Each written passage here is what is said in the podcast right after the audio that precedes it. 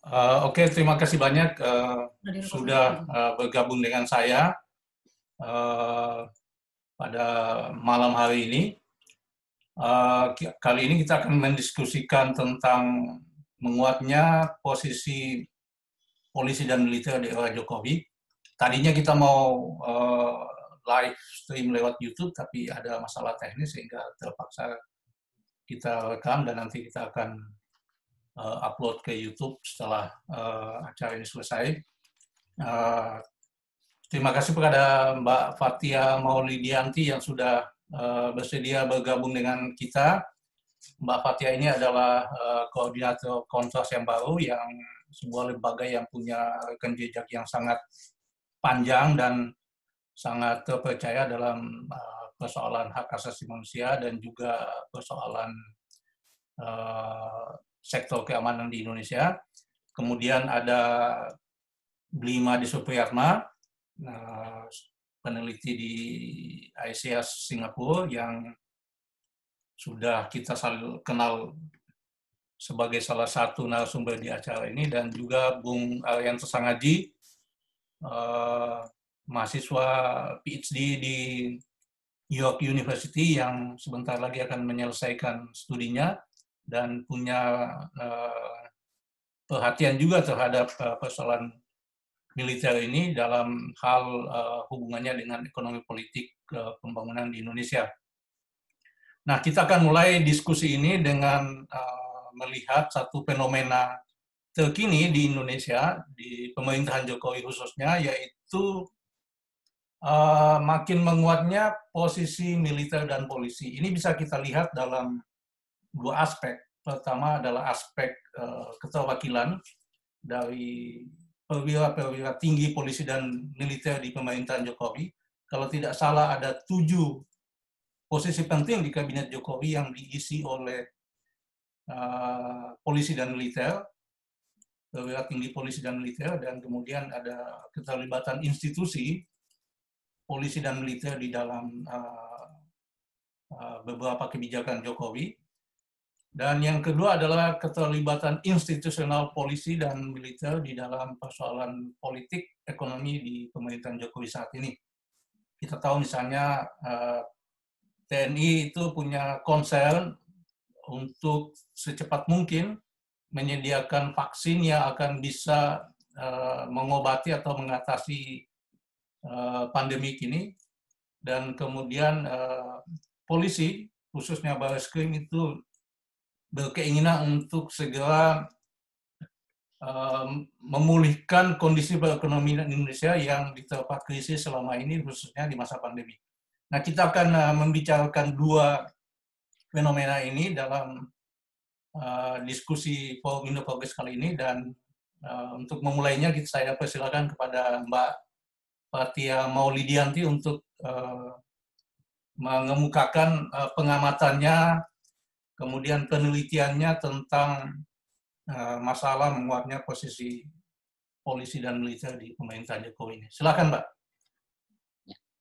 Baik, makasih uh, Mas atas kesempatannya.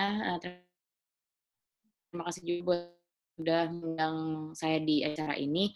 Uh, jadi memang Kontras uh, selama pandemi ini khususnya juga apa namanya melakukan beberapa kali pema beberapa fokus pemantauan dan salah satunya adalah tentang uh, pelibatan TNI, BIN dan juga Polri pada masa pandemi gitu. Tapi uh, memang uh, sebelum-sebelumnya uh, maupun secara umum uh, terkait soal reformasi sektor keamanan, pelibatan uh, aparat keamanan dan pertahanan di Indonesia ini juga menjadi salah satu concern bagi kontras gitu.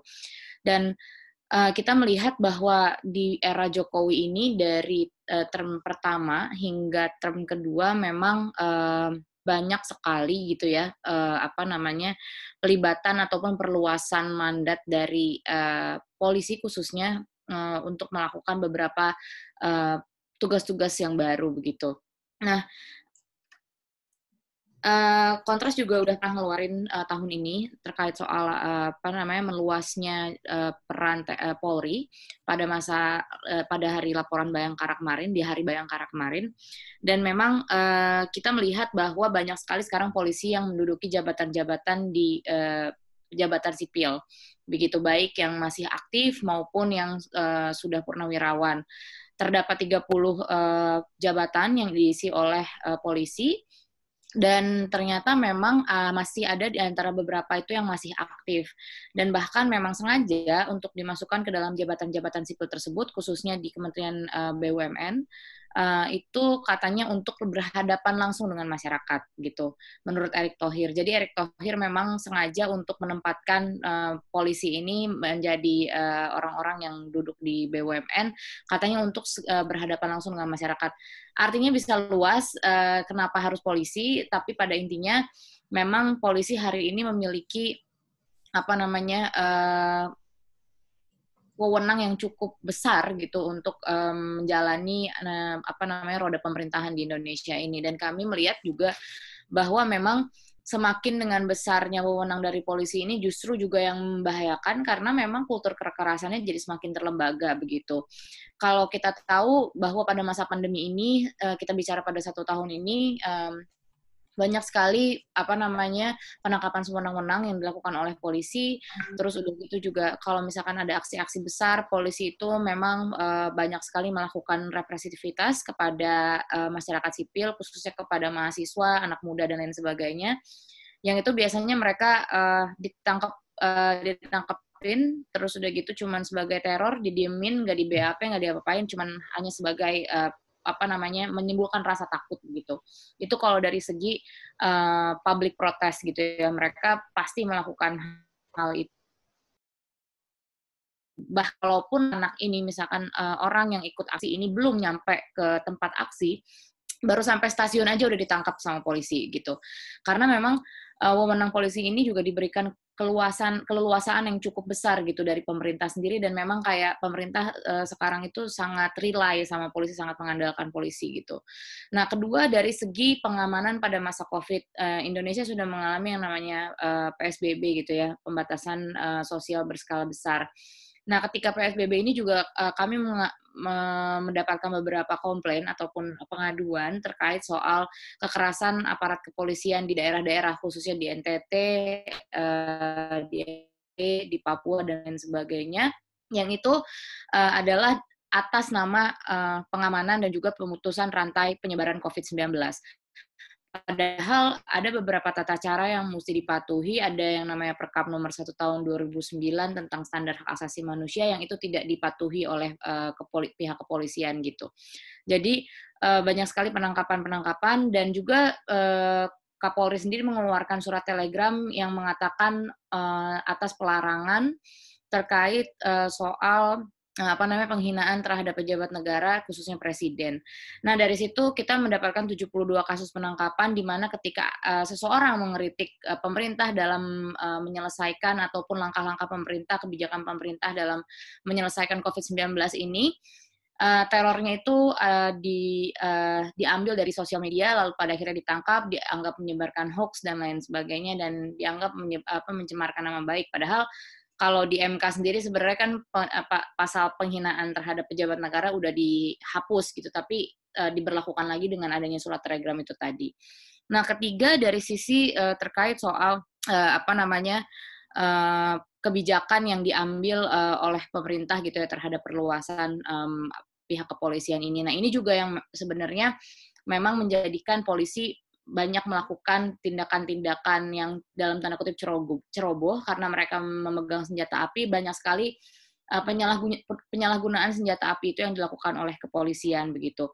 Di luar dari kasus penyiksaan uh, yang dilakukan polisi dan polisi masih menjadi pelaku yang paling dominan dalam melakukan penyiksaan, banyak juga uh, penyalahgunaan senjata api yang dilakukan oleh polisi pada masa setahun terakhir ini gitu. Jadi Eh, bahayanya adalah ketika misalkan polisi berada di jabatan sipil dan mereka punya privilege lebih dan juga mandat yang lebih, apalagi kalau misalkan memang masih aktif di dalam uh, kepolisian itu sendiri, uh, jadi memiliki standar ganda gitu dalam melakukan uh, apa namanya kebijakan pemerintahan di apa ranah masyarakat sipil ini sendiri. Karena yang walaupun ya katanya memang ada UASN yang memperbolehkan uh, kepolisian untuk masuk ke dalam jabatan-jabatan sipil, tetapi yang kami takutkan adalah untuk membawa Indonesia menjadi di police state begitu. Kalau misalkan memang posisi-posisi sipilnya diduduki oleh aparat keamanan begitu. Bicara soal TNI, soal uh, apa namanya uh, BIN juga dari awal kita sudah tahu bahwa memang TNI dan BIN ini yang dilibatkan paling besar dalam rangka untuk apa namanya menuntaskan uh, situasi uh, pandemi di Indonesia begitu.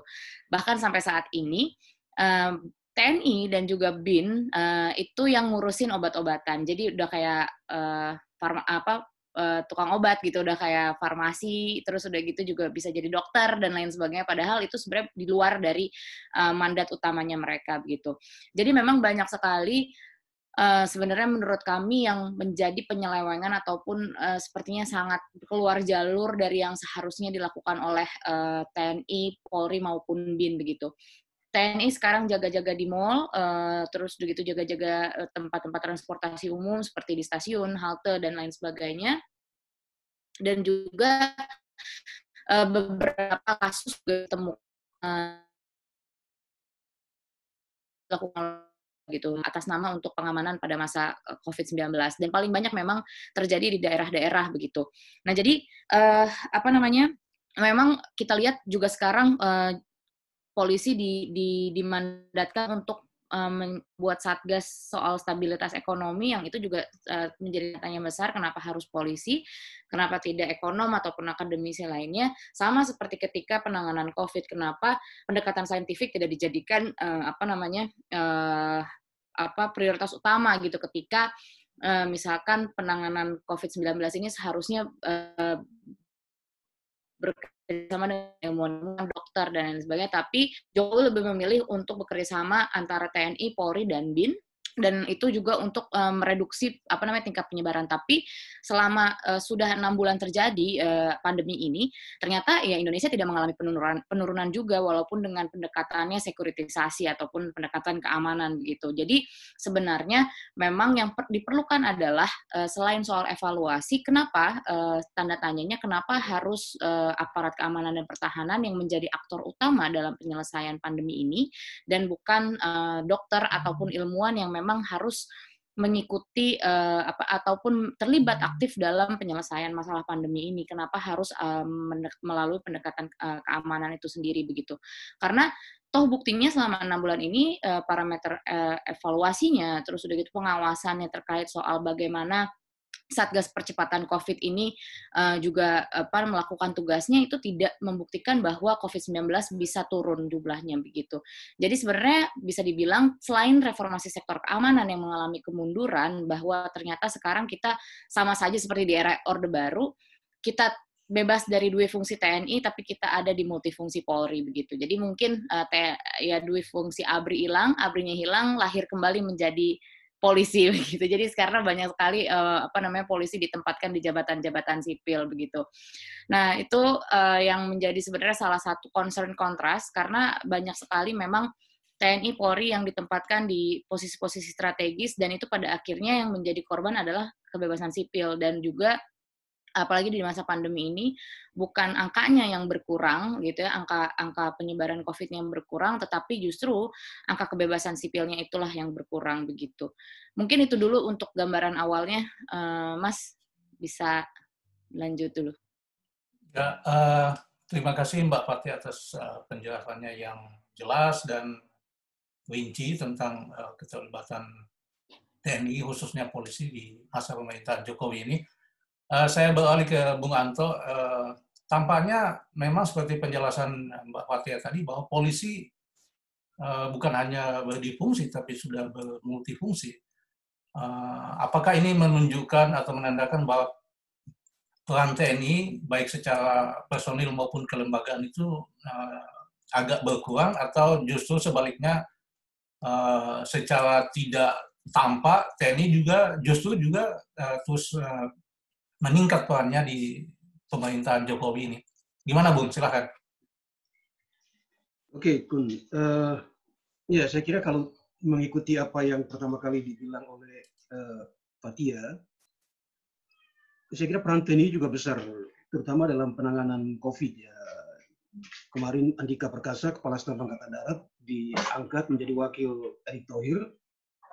uh, untuk penanganan COVID-19 uh, dan pemulihan ekonomi. Nah, tapi saya ingin um, melihat uh, dalam kerangka yang lebih luas tentang peningkatan posisi militer dan polisi di pemerintahan Jokowi, terutama ke militer. Uh, saya kira kalau kita lihat uh, peraturan presiden nomor 16 ya tahun 2019 tentang organisasi Tentara Nasional Indonesia itu yang terbaru ya. Kita melihat terjadi semacam satu penggemukan di tubuh uh, tentara hari ini ya. Uh, struktur TNI, struktur organisasinya itu di, di ditata kembali uh, dan itu memberikan kesempatan kepada banyak perwira tinggi yang tadinya punya tidak punya jabatan atau perwira-perwira menengah yang tidak bisa dipromosi ke perwira tinggi, itu sekarang berkesempatan untuk itu. Mungkin ada kurang lebih sekitar 60 jabatan baru di, ya mungkin Made bisa uh, lebih spesifik melihat tentang hal ini.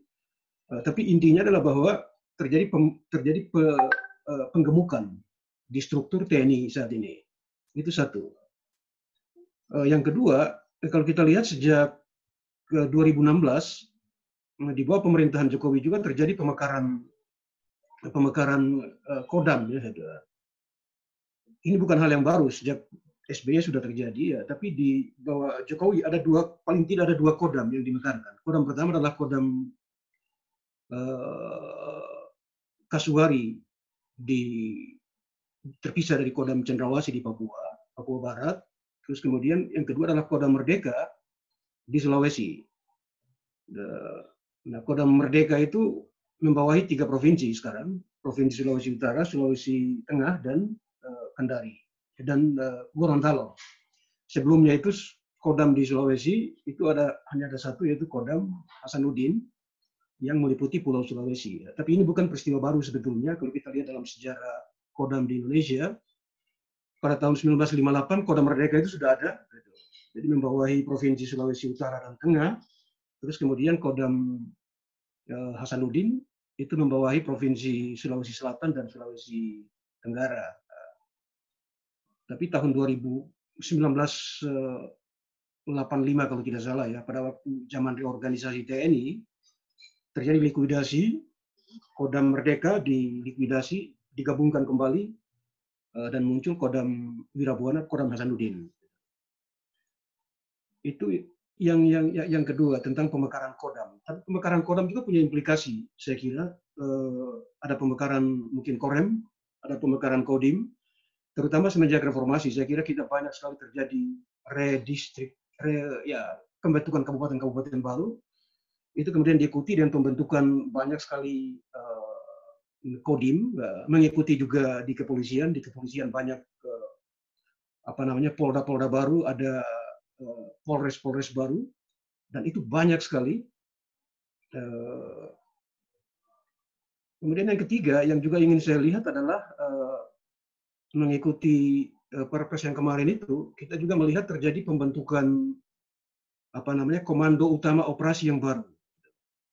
Namanya itu Kogab Wilhan, Komando Gabungan Wilayah Pertahanan.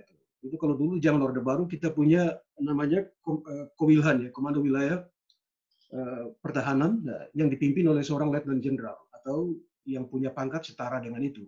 Sekarang itu muncul kembali ya dengan struktur kurang lebih sama seperti Komilhan. komandannya adalah eh, panglimanya adalah perwira tinggi dengan pangkat letnan jenderal. Selain itu ada juga yang disebut dengan apa itu Kopsus ya, Komando Operasi Khusus. Itu di bawah Panglima TNI juga Eh, itu lebih spesifik untuk mengurusi urusan seperti terorisme. Karena di TNI kita tahu ada berbagai macam pasukan khusus, di Kopassus ada Gultor 81, terus kemudian di Angkatan Laut ada Denjaka, terus di Angkatan Udara ada Den Bravo kalau tidak salah. Ini semua pasukan khusus, eh, tapi dengan adanya Kopsus itu akan membawahi mengorganisir ketiga eh, satuan khusus ini. Nah, komandannya itu, panglimanya itu perwira tinggi berpangkat mayor jenderal. Itu dibentuk sejak tahun 2019 kemarin. Selain itu, yang ingin juga saya lihat adalah ada perubahan status sejumlah korem dan kodim di Indonesia, di mana kita lihat korem-korem itu sebelumnya itu ada korem tipe A dan tipe B. Ya. Korem tipe A itu korem yang dipimpin oleh perwira tinggi berpangkat brigadir jenderal. Terus kemudian korem tipe B itu dipimpin oleh perwira tinggi berpangkat brigadir jenderal. Nah, sekarang banyak sekali korem-korem yang eh, berubah status dari tipe A ke tipe B ke tipe A. Misalnya di Jakarta Raya itu ada dua korem yang tadinya tipe B, sekarang dinaikkan statusnya jadi tipe A. Dengan demikian eh, komandan koremnya berpangkat eh, brigadir jenderal. Begitu juga di korem di Bogor, korem Surya Kencana ya itu. Tadinya tipe B, sekarang naik tipe A dengan pangkat brigjen. Di Sulawesi Tengah, koremnya juga namanya korem 132 Tadulako, naik status juga dari korem tipe B menjadi tipe A.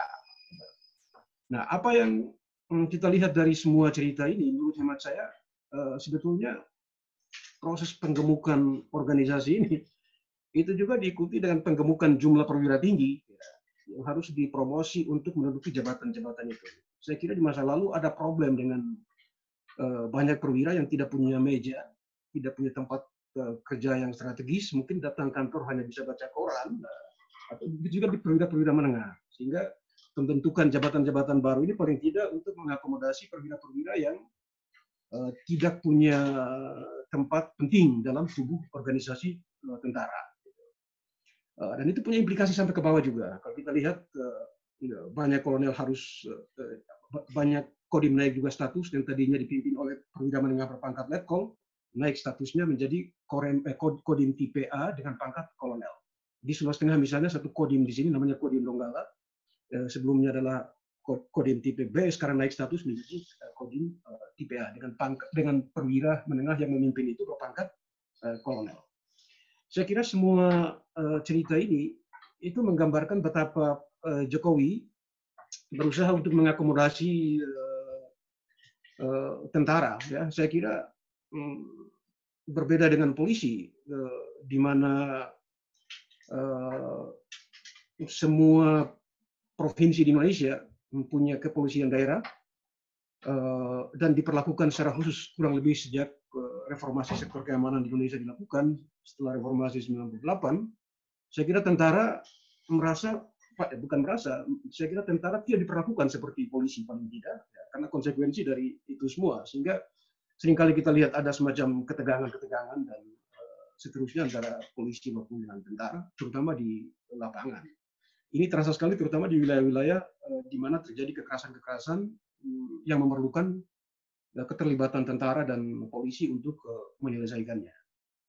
Uh, satu hal juga yang hemat saya juga penting untuk kita lihat adalah di level belanja negara untuk polisi maupun untuk tentara saya kira tentang uh, di Departemen Pertahanan itu kan anggarannya semenjak Jokowi naik ya kita lihat sejak tahun 2016 ke sini itu anggaran di Departemen Pertahanan di atas 100 uh, triliun. Nah, kalau itu kalau dikombinasikan dengan polisi yang mungkin sekitar 70 atau sekian triliun, 10 triliun itu, itu mewakili kurang lebih sekitar ya, 10 atau antara 10 sampai dengan 15 persen dari uh, eh, APBN kita. Nah, terakhir saya lihat kemarin uh, yang terbaru itu di TNI tahun depan itu 137 triliun. Dari tahun sekarang yang 117 triliun. Tapi kalau di total, kita lihat di tahun 2000 ini, itu 222 triliun itu alokasi untuk ke tentara dan polisi. Jadi sangat besar dibanding dengan sektor-sektor uh, yang lain. Tentu saja alokasi itu bukan hanya untuk kepentingan personil, tapi juga untuk belanja militer, alat alat pertahanan segala macam dan itu juga harus kita lihat kaitannya dengan industri pertahanan secara secara global. Kalau kita ingin ngomong tentang militer secara tidak terisolasi dari problem uh, Indonesia saja. Dari semua cerita ini, saya sebetulnya ingin um, melihatnya dari sisi yang sedikit uh, lain um, bahwa uh, ya tadi menggunakan um, kosakata yang dipakai oleh Fatia tentang sekuritisasi. Saya kira dalam masyarakat yang kapitalistik, saya mungkin eh, menggunakan istilah yang sama, eh, atau bahkan mungkin istilah yang tepat mungkin dalam masyarakat yang kapitalistik, seperti di Indonesia ini, eh, atau bahkan juga masyarakat kapitalis termasuk di Amerika Serikat itu bahkan lebih militeristik. Gitu. Hanya perbedaannya mungkin di negara-negara kapitalis maju eh, kecenderungan militerismenya itu selain untuk kepentingan domestik juga untuk melakukan eh, praktek-praktek imperialisme dalam skala global. Nah, tapi di, di Indonesia, saya kira kita tidak punya ancaman apa namanya ancaman eksternal hari ini ya. Mungkin yang paling ya ada sedikit dispute lah katakanlah dengan di Laut Cina Selatan. Tapi saya kira dengan begitu besarnya investasi Tiongkok hari ini di Indonesia, saya kira dispute itu tidak akan mengarah pada satu perang terbuka di situ. Eh, meskipun begitu, itu selalu dilihat sebagai ancaman dan ya belanja militer untuk pembelian uh, senjata segala macam berbasis pada argumentasi-argumentasi ada ancaman eksternal itu. Uh, tapi mungkin lebih baik kita lihat dalam ancaman eksternal eh, internalnya. Kalau kita lihat ke ya Papua mungkin salah satu contoh oleh angkatan perang dilihat sebagai ancaman terhadap kedaulatan negara kesatuan Republik Indonesia karena di situ ada gerakan pembebasan nasional Papua juga ada ancaman terorisme dan sekarang kita lihat ada usaha untuk memasukkan tentara dalam penanganan apa namanya penanganan uh, teror uh, uh, ya banyak dikritik oleh teman-teman di masyarakat sipil Indonesia. Uh, tapi selain itu, eh, kalau kita kembali ke diskusi tentang apa namanya militer dan polisi dalam masyarakat yang kapitalistik, sebetulnya kan kita harus melihatnya itu sebagai apa namanya bagian dari apa yang oleh misalnya Ralph Miliband menyebutnya sebagai eh, state system, jadi sistem negara. Jadi militer polisi itu kan bagian dari sistem negara yang memang memonopoli apa yang disebut dengan uh, management of violence. Ya. Eh, manajemen kekerasan kira-kira begitu. Monopoli itu eh, untuk apa? Untuk menjaga atau untuk memastikan bahwa stabilitas order ini, sistem yang kapitalistik ini, itu bisa bekerja. Gitu. Nah, hanya saja setelah kita melakukan reformasi 98 segala macam, memang benar ada tentara sudah masuk ke barat ke segala macam, tapi menurut hemat saya uh, Eh, meskipun politik dan ekonomi itu kelihatan memang eh, terpisah ya, memang secara teoritik itu dua hal yang terpisah dalam masyarakat yang kapitalistik, tapi kan dua hal yang sama sekali tidak bisa uh, uh, bukan ter, terpisah tapi sama sekali tidak bisa dianggap sebagai uh, tidak ada hubungan antara kedua aspek itu. Yang kita lihat adalah peranan tentara maupun polisi untuk memastikan agar apa yang kita sebut sebagai ekspansi modal misalnya itu bisa uh, berlangsung Nah, teman-teman di masyarakat sipil misalnya banyak bicara tentang konflik-konflik agraria atau konflik-konflik di perburuhan yang melibatkan tentara dan polisi. Menurut hemat saya itu sebetulnya eh, bagian dari eh, itu. Jadi untuk memastikan bahwa akumulasi bisa terjadi, ekspansi bisa terjadi, mau tidak mau polisi tentara hadir di situ dan kita lihat banyak sekali kekerasan-kekerasan entah itu sengketa tanah ataupun eh, sengketa yang berkaitan dengan kaum miskin di kota, untuk penggusuran atau sengketa-sengketa yang ada hubungannya dengan eh, eh, gerakan-gerakan buruh atau gerakan-gerakan yang lain. Mungkin secara teoritik ini bagian dari apa ya, ya kalau untuk kaum tani kan ada penggusuran, ada perampasan tanah, ada macam-macam, itu mungkin bagian dari akumulasi primitif uh, di mana negara dalam hal ini diwakili oleh tentara dan polisi itu terlibat dalam kekerasan secara langsung untuk memastikan bahwa modal bisa melakukan ekspansi. Itu satu. Terus yang kedua, eh, kita bicara konsep yang lain, mungkin akumulasi kapital. Ya. Saya kira hari ini, kalau saya tidak keliru, mungkin mungkin sudah ada sekitar 600 ya, bisa kita cek kembali. 600 apa yang disebut dengan objek, vital objek vital negara ya gitu. Itu pemerintah bikin objek vital negara di sektor industri, di sektor apa namanya migas, di sektor kelistrikan, di sektor minerba, eh, Freeport misalnya dianggap sebagai objek vital negara. Eh, Indonesia Morowali Industrial Park di, Moro, di Sulawesi Tengah dianggap sebagai eh, apa namanya objek vital negara. Perusahaan pembangkit listrik tenaga air milik Yusuf Kala di di Danau Poso itu dianggap sebagai objek vital negara juga dan oleh karena itu harus dijaga oleh polisi maupun oleh tentara itu ada aturan tentang itu tahun 2004 Kepres atau apa tentang itu Nah, jadi itu maksudnya apa? Untuk memastikan agar apa yang kita sebut sebagai eh, modal bekerja, capital accumulation itu bisa eh, terjadi, ya, tidak terganggu oleh misalnya katakanlah misalnya gerakan-gerakan protes, buruh dan sebagainya, maka tempat-tempat tadi, lokasi-lokasi tadi di mana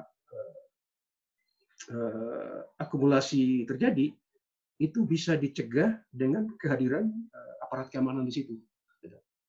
Jadi buat saya kaitannya dengan semakin meningkatnya peranan polisi dan tentara, mungkin penting kita melihat kaitan juga dengan ambisi besar Jokowi untuk uh, apa namanya memompa pertumbuhan ekonomi kita agar semakin uh, progresif ya. Dulu dalam kampanye dia bilang harus sampai tujuh persen segala macam. Itu kan sebetulnya uh, mensyaratkan adanya jaminan keamanan yang kuat. Sekarang lagi bikin omnibus law tapi di tengah-tengah krisis seperti hari ini, saya kira semua cita-cita itu menjadi menjadi apa namanya menjadi uh, ya kosong saja. Uh, tapi kita melihat uh, ada semacam usaha untuk uh, menyelesaikan problem-problem kaitan dengan krisis hari ini dengan apa yang tadi Fatia sebut sebagai uh, sekuritisasi masyarakat atau boleh juga kita sebut sebagai uh, praktek uh, militerisasi terhadap masyarakat dalam pengertian bahwa masyarakat kita semakin diawasi, jadi tingkat surveillance di tengah krisis ini menjadi begitu meningkat di zaman Jokowi. Saya kira itu yang bisa saya bilang di kesempatan ini. Ya, uh, terima kasih Bung Anto atas uh, penjelasannya. Uh, Made mungkin bisa menambahkan apa yang sudah disampaikan oleh uh, Fatia sama Anto tadi. Silakan. Uh, terima kasih. Uh, yang pertama saya kira kalau kita lihat dari kedua uh, pembicara uh, yang sebelumnya, saya bisa mengambil kesimpulan atau yang juga berdasarkan semua yang saya lihat uh, dan saya perhatikan uh, selama ini. Uh, bahwa sebenarnya pemerintah Jokowi ini tidak terlalu lebih daripada pemerintahan Orde Baru Jilid II ideologinya persis sama, ideologi new developmentalisme, new develop, apa pembangunan baru gitu ya, new development developmentalism, pembuatan uh, apa namanya perhatian dan tumpuannya pada investasi dan investasi itu seperti yang dikatakan oleh Puanto itu memerlukan secure dan dan uh, Fatia itu memerlukan uh, jaminan security karena security akan membuat certainty dan stabilitas. Eh, dan itu eh, apa namanya semakin jelas. Nah, kemudian eh, pemerintahan ini juga mewarisi persoalan-persoalan struktural yang ada pada zaman Orde Baru. Persoalan struktural khususnya di dalam tubuh TNI. Mengapa mereka sekarang membesarkan organisasi, kemudian mendirikan lembaga-lembaga, banyak sekali lembaga-lembaga yang tidak perlu, karena mereka punya problem struktural di dalamnya ada seribu lebih uh, perwira dan perwira tinggi TNI yang tidak mendapat pekerjaan. Yang ada di lantai 5 Mabes TNI datang pasukan uh, uh, 905 katanya. Uh, datang jam 9 kerja kosong pulang jam 5 itu uh, banyak dari mereka yang ke kolonel uh, kemudian brigadir jenderal uh, bahkan sampai letnan jenderal. Uh, ini perlu dicarikan posisi, makanya dibuka begitu banyak uh, apa namanya unit-unit uh, baru, ada kodam baru, ada ada ada uh, kogab wilham dan lain sebagainya itu semua untuk menampung uh, perwira-perwira ini. Dan problem yang sama juga sebenarnya dihadapi oleh Polri. Polri memiliki sekitar 400 uh, perwira yang perwira tinggi yang menganggur. Tetapi uh, untuk Polri jauh agak lebih mudah karena seperti yang dikatakan Fatia, mereka ditampung di BUMN karena Polri tidak punya uh, stigma sebagai organisasi militer yang tidak boleh terjun ke dalam dunia sipil karena Polri di mana-mana itu kepolisian adalah sebenarnya institusi sipil bukan institusi berbeda dengan institusi militer. Uh, agak lebih mudah dan lebih ini. Polri. Dan dan kemudian uh, selain itu uh, ya kita punya tiga institusi yang bekerja secara aktif sekarang ini. Uh, di untuk mendukung pemerintahan Jokowi dan Jokowi rupanya embrace atau memeluk ini dengan dengan suka dengan sukarela gitu ya. Dilakukan dengan sukarela dan senang hati karena itu memang ini kalau kita melihat bahwa Jokowi sendiri dia bukan orang partai, dia orang independen, dia memang katanya dekat dengan PDIP, tapi dia tidak maju sebagai orang PDIP. Eh, satu-satunya kekuatan ada kekuatan yang dia miliki adalah melakukan politicking, eh, melakukan negosiasi, kemudian memberikan ini, memberikan itu, dan dan dia sangat-sangat pintar membagi-bagi ini. Saya kira Presiden Indonesia kedua sesudah Soeharto yang pintar membagi resources itu adalah Jokowi. Dan kebetulan asalnya pun sama, sukunya pun sama, dan caranya berkuasa pun sama. Uh, apa namanya tiga lembaga yang menjadi titik tumpu kekuasaan uh, Jokowi sekarang ini adalah TNI, uh, khususnya TNI AD, uh, TNI Angkatan Darat, kemudian polisi, yang mendapat peranan paling besar di antara semuanya, sehingga saya barusan menyelesaikan artikel sebenarnya, uh, tapi belum dimuat di ICSIA Forum tentang difungsi polisi, um, mengupas semua uh, persoalan ini, nggak tahu apakah dimuat atau enggak, tapi pada intinya bahwa uh, polisi untuk Jokowi adalah sama seperti TNI Angkatan Darat untuk Soeharto. Uh, uh, dia melakukan, dia adalah orang yang untuk melakukan uh, dirty works um, ini adalah institusi yang uh, melakukan untuk crushing the opposition, untuk me me me menyikat oposisi. Uh, dan kemudian institusi ketiga yang harus kita perhatikan dalam dalam dalam pemerintahan Jokowi ini adalah BIN yang sekarang dalam dalam tahun ini di awal tahun ini itu langsung diletakkan di bawah presiden. Dan saya kira BIN yang beragak berbeda dengan konsep intelligence di seluruh dunia Eh, BIN itu di Indonesia itu bisa melakukan eksekusi. Dalam dalam dunia intelijen di mana pun di seluruh dunia ini, tugas intelijen adalah mengumpulkan informasi, memberikan analisis, dan kemudian memberikan kepada users. Usersnya itu bisa presiden dan lain sebagainya. Tapi di Indonesia ada satu karakteristik yang sangat unik bahwa bahwa dunia intelijen bisa melakukan penggalangan, bisa melakukan operasi, dan bisa melakukan penindakan. Yang tidak uh, ada jelas-jelas itu ada penggalangan. Mobilisasi itu tujuannya adalah untuk me, me, me, me, me, me, me, mengambil tindakan. Dan mengambil tindakan ini ada banyak bukti bahwa uh, banyak menimpa kaum oposisi sekarang ini adalah apa namanya uh, Eh, aksi-aksi atau eh, tindakan-tindakan dari BIN untuk meretas atau menangkap aktivis, kemudian kemudian baru menyerahkannya kepada eh, aparat keamanan untuk diproses dengan prosedur. Hal yang tidak bisa dilakukan oleh intelijen mana pun di seluruh dunia kecuali intelijen negara-negara otoritarian. Uh, uh, ini ini salah satu pilar juga dari kekuasaan uh, Jokowi jadi dalam hal security tidak ada bedanya sama sekali menurut saya antara Jokowi dan pemerintahan Orde Baru.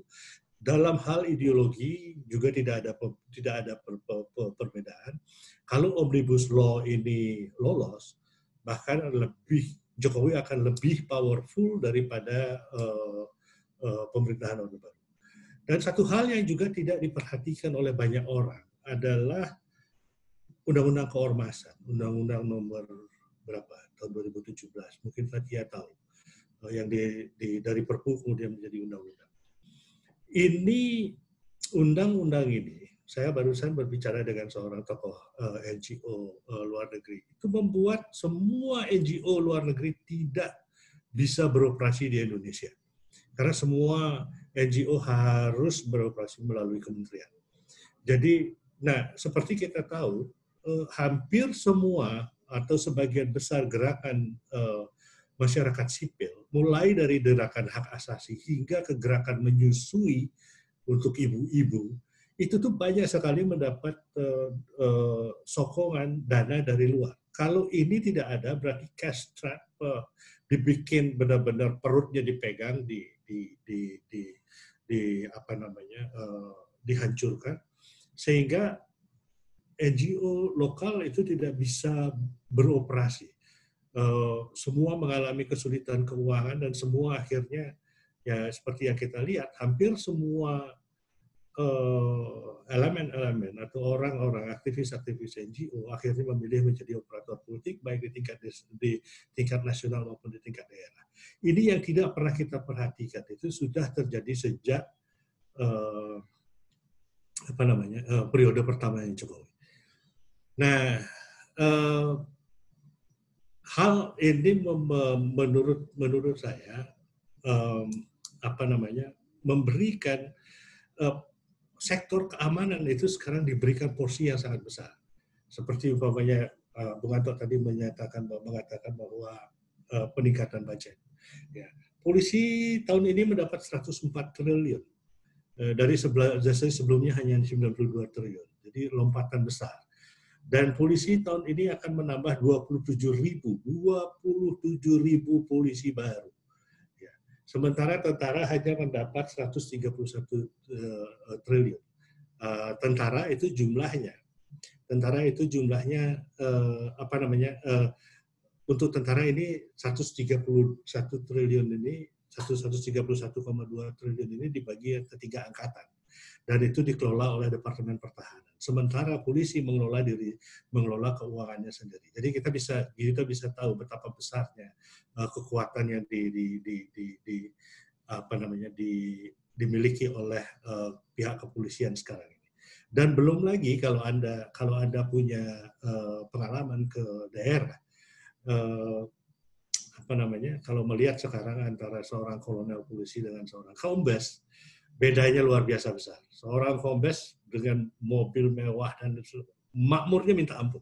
Sama seperti seorang kolonel pada waktu zaman Orde Baru. Tapi sekarang itu polisi. Karena polisi diberikan segala macam.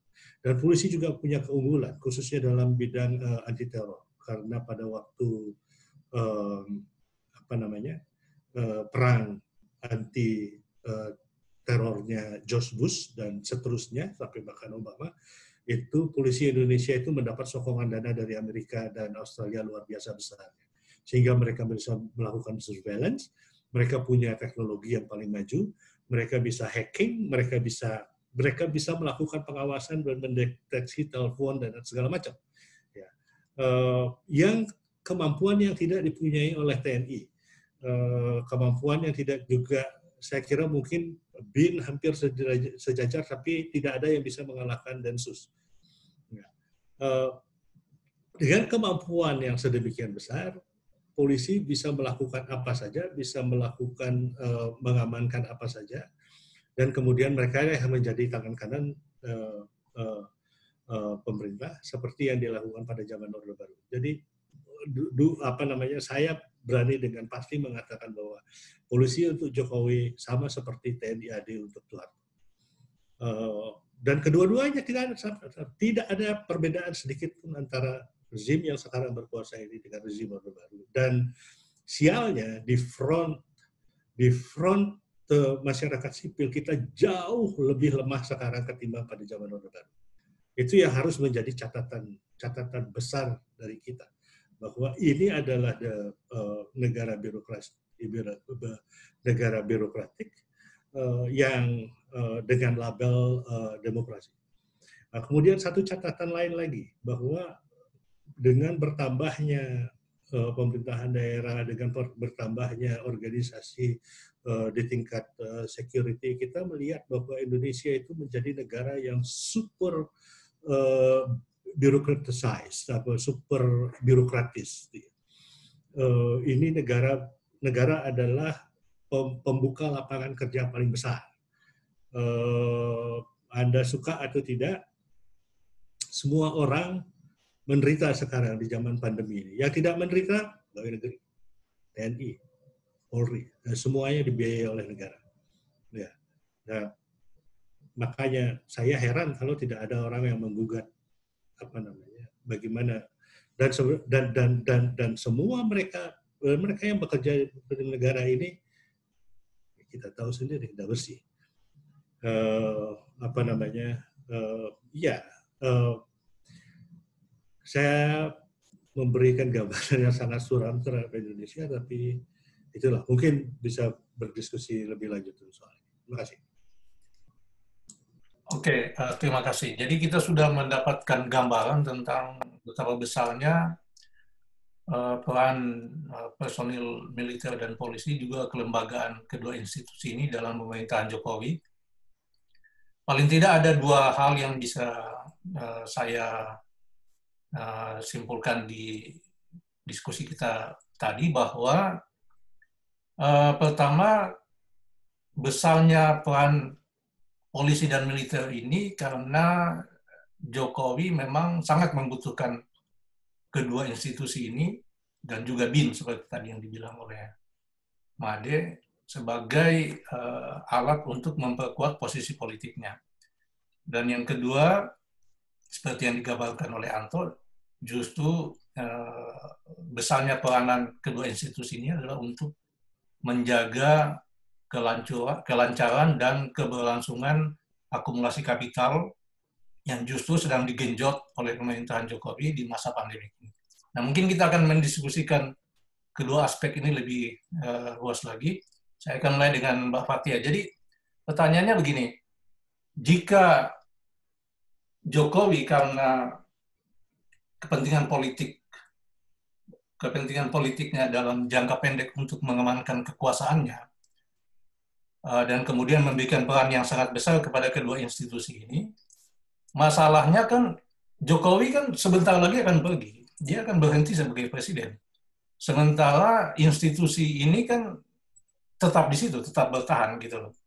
Jadi kemudian kita akan mendapatkan satu situasi di mana nantinya ketika Presiden Jokowi berhenti sebagai presiden karena uh, tuntutan konstitusi, dia meninggalkan satu peran satu warisan yang sangat besar dan sangat berbahaya bagi masa depan demokrasi di Indonesia, ya ini besarnya keterlibatan TNI dan Polri dan juga BIN di dalam proses politik di Indonesia.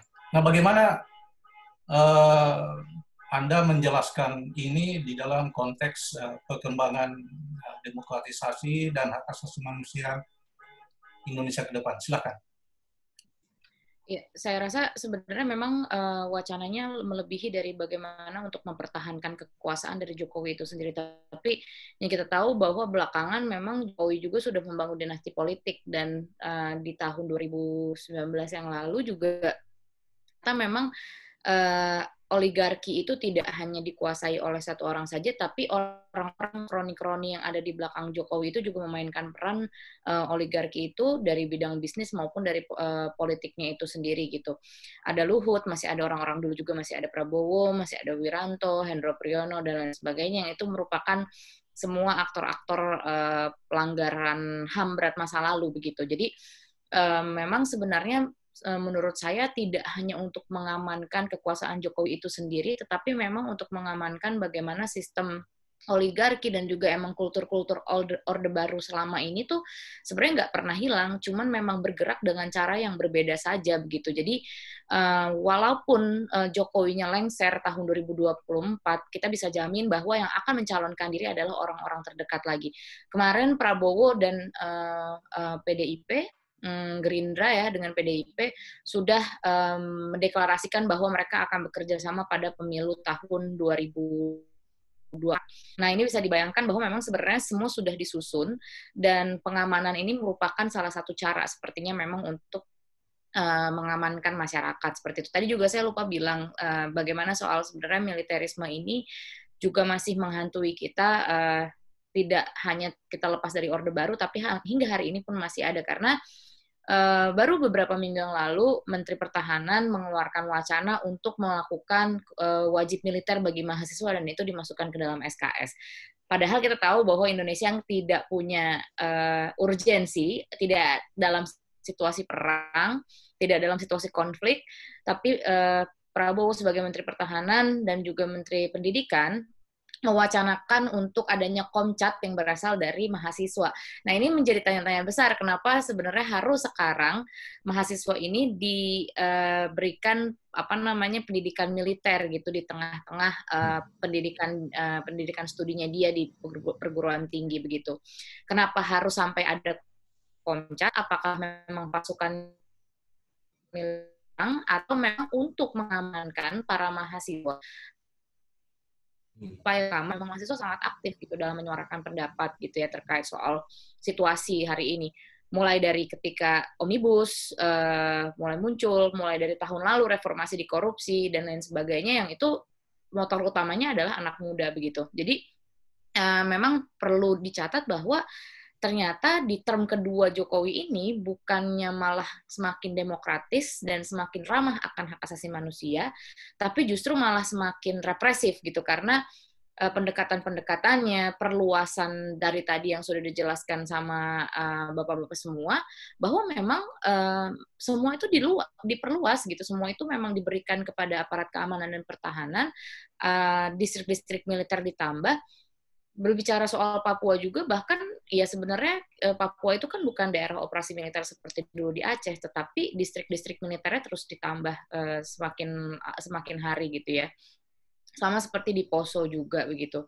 Nah jadi Uh, belum lagi kalau misalkan berbicara soal bisnis militer, keterlibatan bisnis uh, korporat terhadap apa namanya uh, polisi sendiri gitu sebagai penjaga dari uh, apa perusahaannya itu dan segala macam itu sebenarnya yang memang um, mengakibatkan uh, bahwa demokratisasi uh, hak asasi manusia dan juga bagaimana soal kebebasan ber, ber, berpendapat dan lain sebagainya kebebasan sipil itu memang makin kecil sekarang ruangnya. Kalau misalkan dari kita berkaca dari soal kebijakan tadi Pak Made bilang juga soal UU Ormas ya.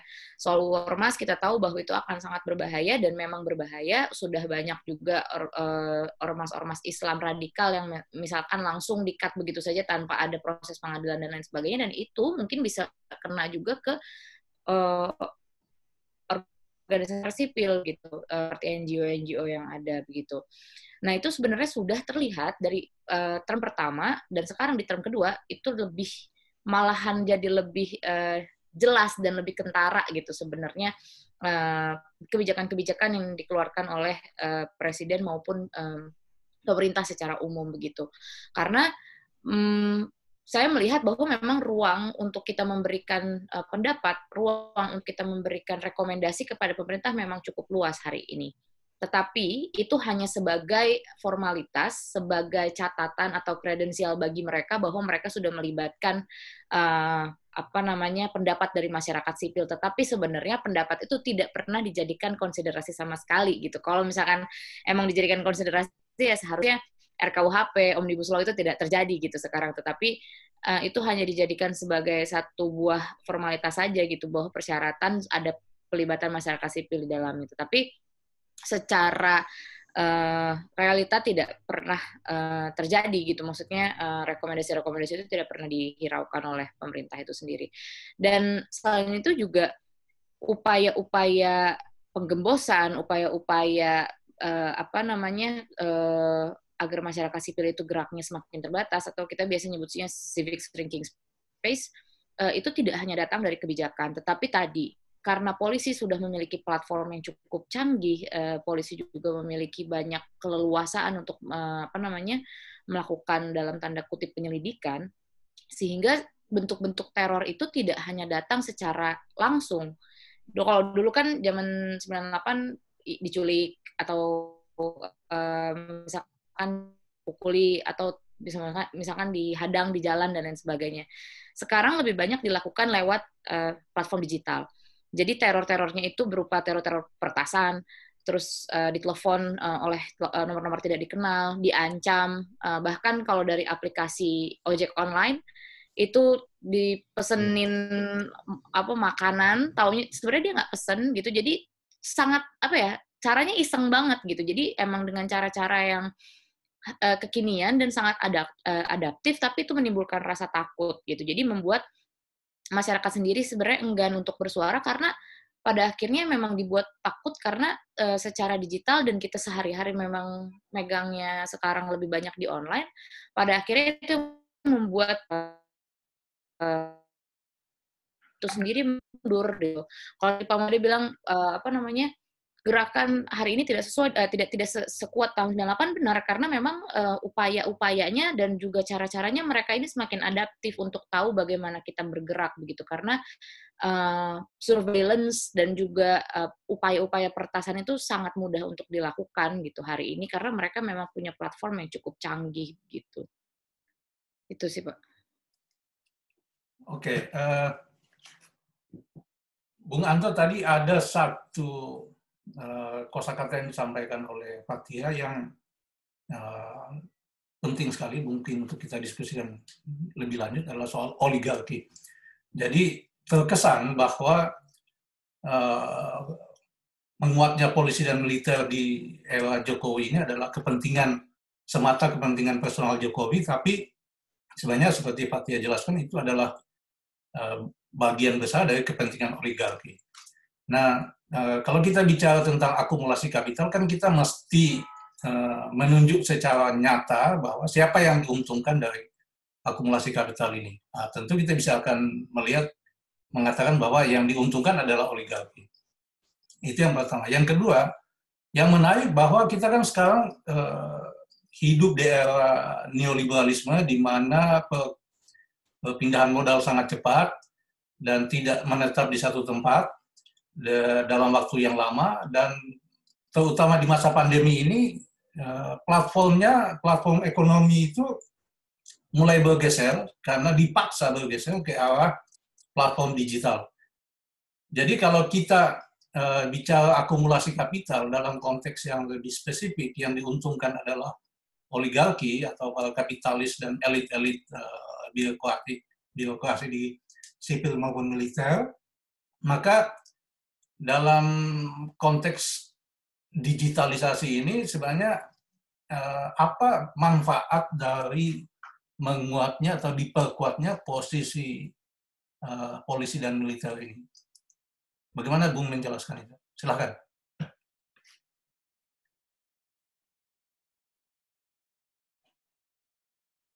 Suaranya mungkin di ini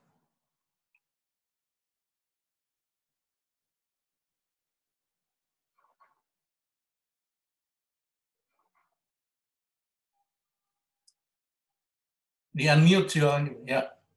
ya. Hmm. Pertama soal oligarki ya. Oh, soal akumulasi kapital di masa pandemi Uh, yang ya saya kira di kita lihat uh, terutama di apa namanya di industri-industri uh, manufaktur ya atau di industri-industri Eh, terkait dengan pertambangan, nah, itu pandemi ini kan sebetulnya tidak mengganggu kegiatan produksi. Gitu. Ya. Jadi produksi berlangsung seperti biasa. Ya. Jadi business as usual. Ya. Saya kasih contoh yang terdekat saja.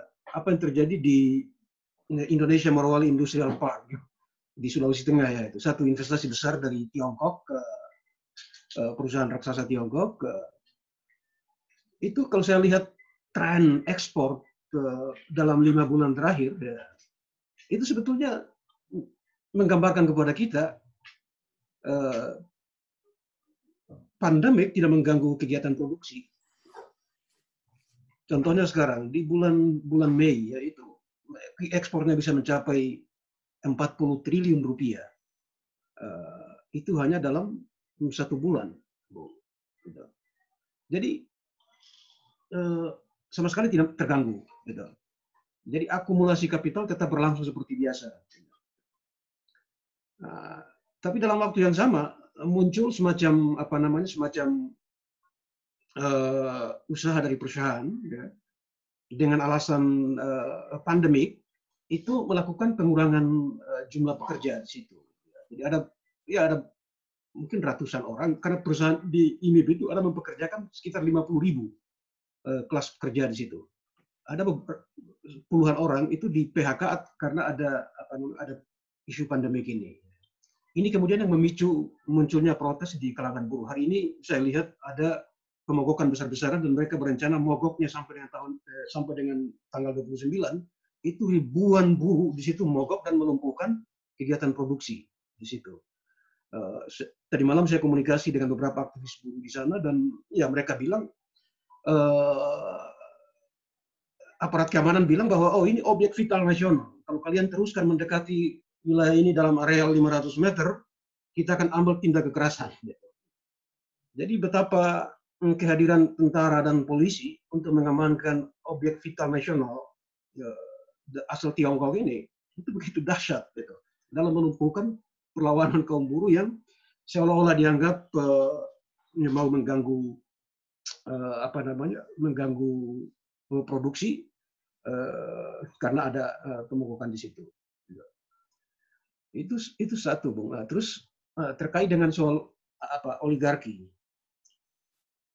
Saya kira kalau kita bicara oligarki, kalau saya sih melihatnya dari segi apa namanya kelas yang memerintah gitu. Siapa kelas yang memerintah? Ya kita harus bilang bahwa dalam sistem yang kapitalistik, kelas yang memerintah itu adalah kelas uh, kapitalis. Ya. Uh, sering kali secara nasional kita mengaitkan yang disebut oligarki itu kan dengan elit-elit partai politik ya yang menguasai partai politik dan kemudian mencoba untuk uh, membajak kekuasaan di sekitar katakanlah sekitar Jokowi. Tapi saya kira itu mungkin satu hal, tapi hal yang paling penting juga sebetulnya adalah kita harus lihat komposisi kelas berjuasi nasional kita. Cara yang paling mudah lihat adalah dengan misalnya membaca laporan-laporan yang hmm, setiap uh, tahun ya diterbitkan katakanlah misalnya oleh Forbes, Forbes Indonesia ataupun Forbes secara global itu, itu setiap tahun ada 50 orang terkaya di Indonesia. Mereka semua itu kelas-kelas berjuasi besar ya, ada grupnya Gudang Garam, grup yang menguasai sinar emas, eh, termasuk juga Bakri di situ, pengusaha-pengusaha so-called pengusaha-pengusaha nasional, eh, pengusaha-pengusaha pribumi, ada juga Yusuf Kala, eh, dan juga iparnya di situ. Jadi kurang lebih 50 orang itu. Atau di majalah Globe and, Asia itu selalu menerbitkan setiap tahun ada 150 orang terkaya di Indonesia. Kalau melihat latar belakang mereka, mereka semua menguasai apa namanya bisnis di bisnis-bisnis utama di Indonesia.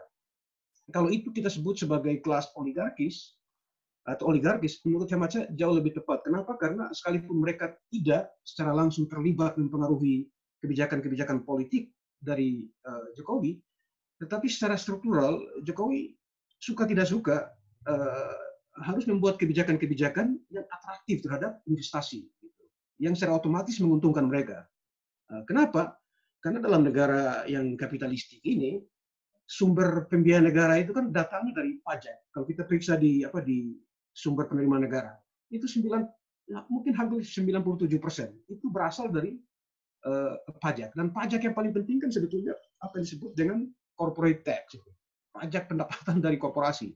Jadi korporasi-korporasi utama itu memberikan pajak besar kepada uh, negara. Ya sebagian kecil datangnya dari pinjaman luar negeri, uh, sebagian juga datang dari apa dari badan usaha milik negara dalam bentuk apa namanya dividen dan segala macam. Tapi soal pajak itu penting sekali. Sistem yang kapitalistik ini tergantung di situ. Jadi mau siapa pun, entah Jokowi atau siapa, dia pasti bergantung pada uh, sumber pembiayaan, uh, sumber pendapatan dari Eh, aktivitas eh, korporasi itu. Eh, militer maupun polisi itu kan sebetulnya bagian dari negara ya, yang untuk membiayai aparatus negara ini itu kan bersumber dari itu tadi semua. Nah, jadi secara sistemik harus kita lihatnya ke sana. Tapi oligarki juga tidak bisa secara spesifik mengaitkannya apa dibikin skalanya itu hanya secara nasional saja. Karena kita tahu kapitalisme kan selalu sifatnya uh, global. Jadi dia itu sebuah sistem internasional. Nah, tapi dalam waktu yang sama dia juga sistem yang sifatnya hierarkis. Jadi ada negara-negara maju, ada perusahaan-perusahaan transnasional yang datangnya dari negara-negara maju yang punya investasi besar di Indonesia. Katakanlah misalnya Freeport di Papua ataupun sekarang eh, perusahaan-perusahaan Tiongkok yang banyak mendominasi investasi di sektor uh, proses eh, mineral maupun energi di Indonesia. Ya kelas-kelas ini, kelas-kelas kapitalis transnasional ini, ini juga mengeruk banyak sekali keuntungan uh, dibawa ke luar negeri dan negara berfungsi untuk menjamin uh, agar proses penghisapan surplus dari Indonesia itu kan dibawa keluar. Uh, ya selain mereka tentu membayar pajak dalam bentuk macam-macam pajak pendapatan negara atau di eh, pajak uh, pendapatan ataupun dalam industri apa namanya mineral dalam bentuk royalties, uh, sewa tanah dan dan lain-lain. Gitu. Dan kita lihat ke di situlah peran pentingnya uh, apa yang kita sebut sebagai tentara dan polisi kan, untuk menjamin agar proses uh, akumulasi ini bisa berlangsung secara terus menerus. Memang hal, hal yang berbeda kalau kita lihat dalam sistem ini, sistem yang kapitalistik mak maksud saya, itu kan memang negara tidak terlibat dalam kegiatan produksi. Ya, itu. Negara dan dengan demikian polisi dan tentara pun tidak terlibat membawa senjata masuk ke eh, tempat-tempat kerja di pabrik-pabrik. Uh, artinya apa? Penarikan pengerukan surplus ekonomi dari proses uh, yang kapitalistik itu itu berlangsung melalui satu mekanisme ekonomi yang murni. Tidak seperti dalam sistem yang feodal bahwa ekstraksi surplus itu juga dilakukan baik oleh negara Eh, sebagai satu institusi politik, tapi juga sebagai sebuah institusi ekonomi secara langsung. Jadi pemisahan antara ekonomi dan politik menjadi tidak jelas. Tapi dalam dalam sistem kapitalistik, tadi saya sudah bilang bahwa uh, memang ini dua institusi yang berbeda, tapi uh, saling terkait, saling apa ya, dalam apa istilahnya, dalam uh, ini disebut sebagai internal relation dalam apa namanya dalam kalau kita bicara tentang dialektika, uh, itu artinya apa? Bahwa keduanya berhubungan uh, tidak bisa dipisahkan sama sekali sebetulnya. Sekalipun mereka bekerja dengan uh, space yang berbeda-beda itu. Uh, ya, saya kira di situlah letak letaknya kita harus mengerti tentang apa tentang bagaimana oligarki ini uh, bekerja oligarki buat saya tidak lebih dari uh, kelas yang memerintah uh, dalam sistem yang kapitalistik. Tapi kalau kita ingin menyoroti sedikit tentang Jokowi, menurut hemat saya mungkin penting juga harus dilihat. Ya tadi mungkin Fatia sudah sebut, tapi saya kira di media masa ramai sekali Jokowi berusaha untuk ya, dulu dia bilang dia bukan orang nepotisme lah kira-kira begitu. Tapi sekarang anaknya maupun anak mantunya mau dipromosi jadi wali kota.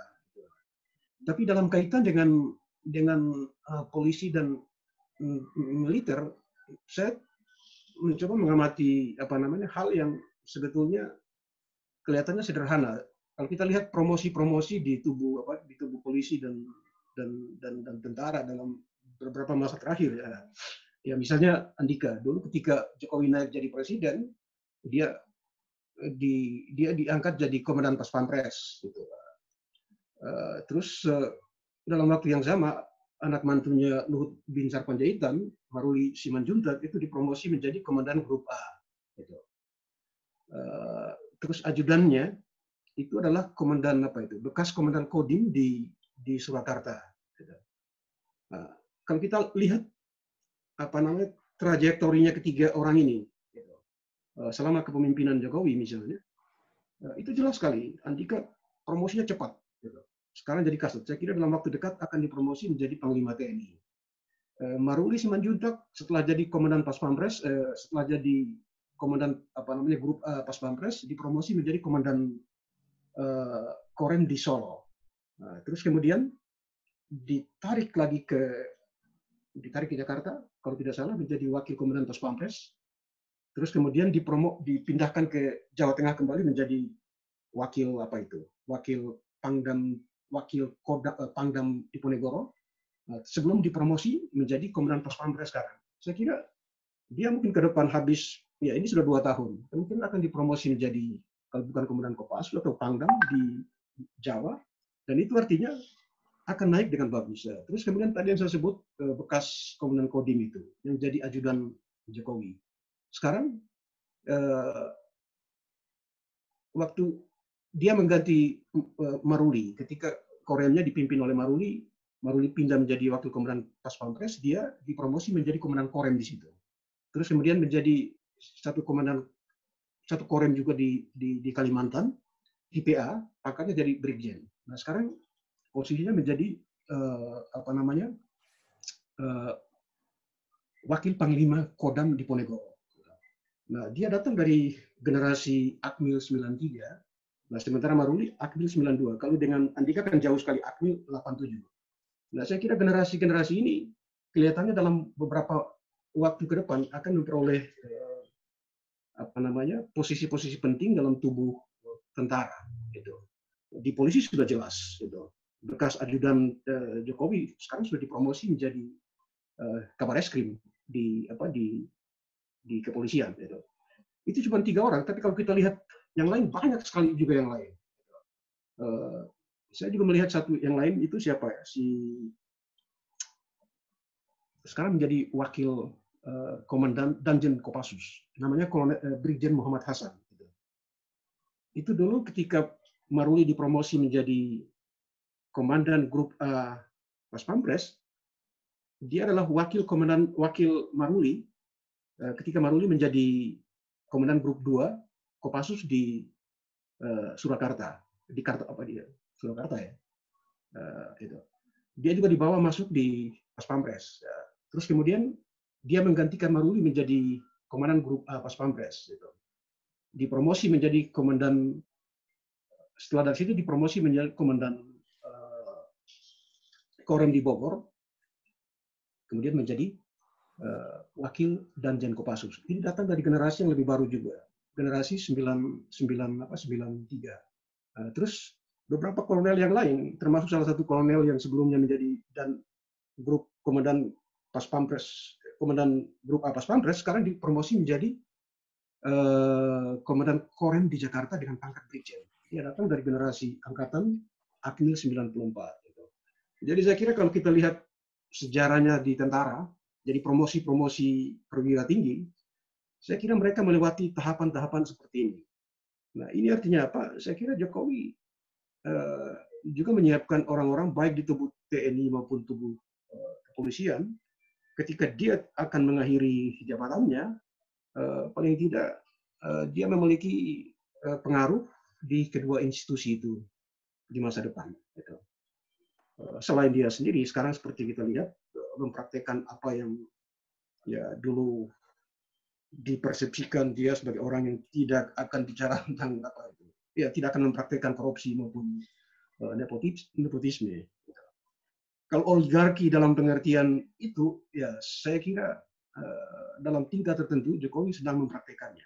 Tapi saya lebih ingin melihat bahwa apa yang kita sebut sebagai praktek-praktek oligarkis adalah praktek di mana kelas yang memerintah atau kelas yang berkuasa atau kelas kapitalis mereka lah yang mengontrol negara ini dan negara bekerja untuk memastikan bahwa akumulasi kapital yang mereka lakukan itu bisa berlangsung dengan aman. Oke, okay, Bu. Uh, jadi kalau kita uh, lihat penjelasan-penjelasan ini, maka pertanyaannya sekarang begini. Apakah Jokowi ini terperangkap dengan satu sistem sosial, ekonomi, dan politik yang sedang berlangsung di Indonesia saat ini, yang dibilang tadi oleh Fatia oleh oligarki, kemudian dijelaskan uh, lebih jauh oleh Anto bahwa ini adalah bagian dari sistem kapitalisme tidak hanya secara yang beroperasi tidak hanya secara nasional, tapi juga secara internasional. Uh, sehingga mau tidak mau dia uh, harus melakukan apa yang saat ini dia lakukan. Itu yang pertama. Tapi pada saat yang lain adalah Anto tadi menjelaskan bahwa dia juga mempromosikan eh, orang-orang terdekat dia untuk naik ke dalam uh, posisi-posisi uh, penting dalam waktu yang sangat cepat. Artinya dia dia sebenarnya punya keleluasaan untuk bermain di dalam sistem ini, tetapi sialnya adalah keleluasaan itu dia gunakan bukan untuk memperkuat demokrasi, bukan untuk memperkuat uh, masyarakat sipil atau memperkuat uh, pelaksanaan dan penyelesaian kasus-kasus HAM di masa lalu, tetapi untuk uh, menjadikan apa yang tadi kamu sebut sebagai justru dia makin memperlemah demokrasi dan seperti kembali ke masa Orde Baru gitu. Nah, eh, bagaimana menjelaskan ini lebih lanjut tentang dua posisi yang ada pada Jokowi. Pada satu sisi, dia dipaksa untuk memperkuat institusi polisi dan militer demi kelancaran akumulasi kapital, karena itu sistem yang terjadi saat ini. Tapi juga pada saat yang sama, dia punya keleluasaan untuk uh, melakukan atau membuat kebijakan kebijakan politik militer yang menguntungkan dia sebagai presiden dan juga uh, mungkin dinasti yang coba dia bentuk ke depan yang tampak dari uh, penunjukan uh, anaknya maupun menantunya dan juga mungkin kerabat-kerabat uh, ataupun sahabat-sahabat uh, yang ada di lingkaran politik dia. Silahkan, Malik. Ya, terima kasih, Kun. Ya, itu argumen yang selalu dikemukakan oleh banyak pendukung Jokowi. Ya, Presiden itu nggak bisa berbuat apa-apa karena begitu banyak orang jahat di sekelilingnya dan sebagainya. Dia seolah-olah dia uh, apa namanya tidak berdaya karena berada dalam kumpulan. For God's sake, this this is a wrong wrong argument.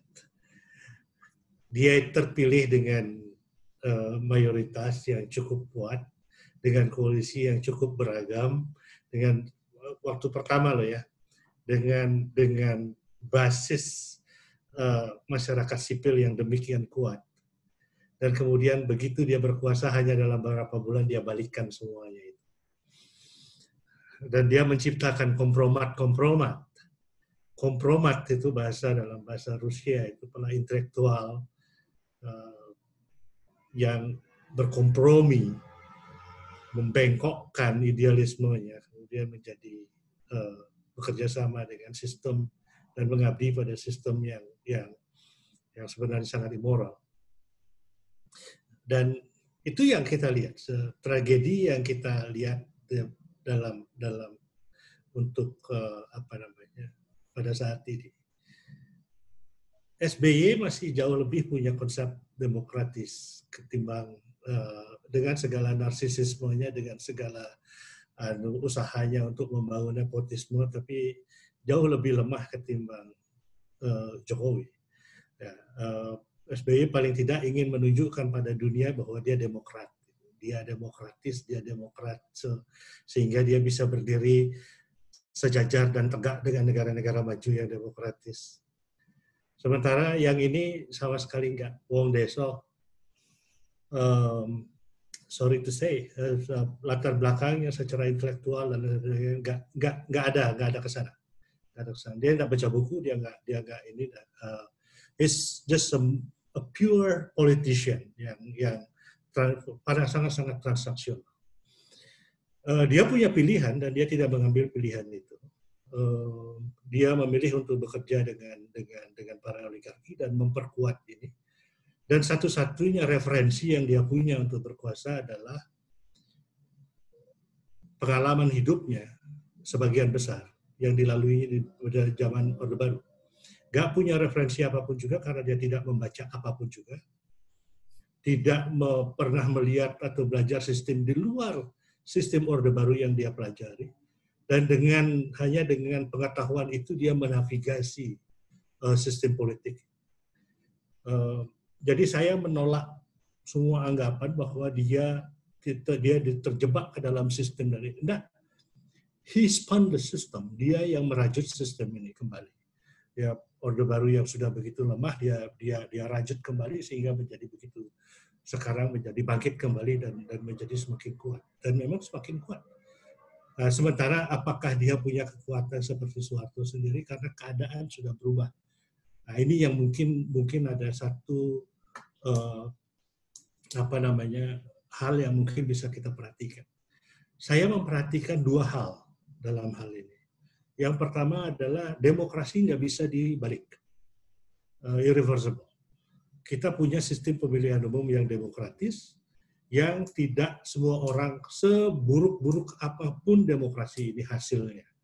Tapi tetap kita punya pemilihan setiap kali lima tahun dan orang yang maju ke dalam pemilihan itu di apa harus melalui proses seleksi bahwa seleksi yang kemudian menghasilkan orang seperti Prabowo dan lain sebagainya itu juga up, belum tentu bahwa Prabowo akan menang. Kalau nanti umpamanya Prabowo lawan Anies, siapa yang akan menang? Saya tidak saya tidak berani mengatakan secara mutlak bahwa Prabowo akan menang. Mungkin Anies akan menang. Mungkin orang-orang akan mengatakan ini pilihan yang jelek. At least rakyat memilih. Itu. Yang kedua adalah desentralisasi yang tidak bisa di uh, anu, tidak bisa dibalik. Uh, Kalau kita lihat dari desentralisasi, satu hal yang saya kira mengembirakan, uh, yang membuat saya optimis dengan Indonesia adalah di mana pun juga, kalau dia bekas tentara atau bekas polisi run sebagai bupati atau sebagai gubernur, tidak pernah mereka berhasil. Mereka tidak punya kecakapan untuk mengelola pemerintahan sipil. Dan itu yang membuat saya optimis bahwa tidak akan pernah ada lagi pemerintahan militer di Indonesia. Karena apa? Karena orang-orang para bupati-bupati ini yang memang punya masyarakat bawah. Jangan disangka tidak. Mereka itu benar-benar berakar di bawah. Mereka tidak akan pernah mau lagi diperintah oleh kolonel atau diperintah oleh seorang kombes. Enggak. Jadi menurut saya eh, ini yang akan menjadi tiang dari demokrasi kita. Seberapapun buruknya Mungkin demokrasi kita akan seperti demokrasi Latin Amerika atau seperti demokrasi Filipina dengan para bos dan orang kuat, tetapi it's still demokrasi. Uh, mungkin akan uh, menjadi tidak liberal, mungkin dengan segala macam variasinya. Mungkin kali uh, Jawa Barat menjadi demokrasi yang Islamistik, tapi Jawa Tengah mungkin menjadi demokrasi yang sangat-sangat tradisional. Ya, dan kemudian ke somewhere else kita mencari demokrasi yang agak bisa apa namanya uh, agak bisa uh, benar-benar mencerminkan demokrasi civil society. Mungkin ya. Jadi kita punya variasi seperti Indonesia juga punya variasi dan tapi juga kemudian uh, uh, apa namanya uh, kita punya uh, satu bangunan negara yang mungkin yang menurut orang itu negara kuat. Jadi negara kesatuan Republik Indonesia ini hanya didukung oleh yang yang tersisa sebenarnya yang menjadi uh, tulang bajanya, rangka bangunannya itu adalah birokrasi, polisi dan tentara. Tetapi mereka tidak bisa mengelola, mereka cuma jadi skrup saja. Jadi siapa pun yang ini yang menurut saya uh, oke okay, kita punya oligarki, kita punya oligarki di tingkat nasional, kita punya oligarki di tingkat pusat, uh, terus kemudian kita tidak bisa merubah dan lain sebagainya, tapi kita, masih punya demokrasi dan saya percaya bahwa uh, rakyat tidak akan uh, menyerahkan begitu saja satu-satunya hak yang mereka miliki. Dan kalau sekarang masih ada optimisme di, di tengah melemahnya gerakan sipil ini Eh, dan juga bagaimana sebenarnya hampir setiap gerakan sipil ini selalu punya kaitan dengan elit.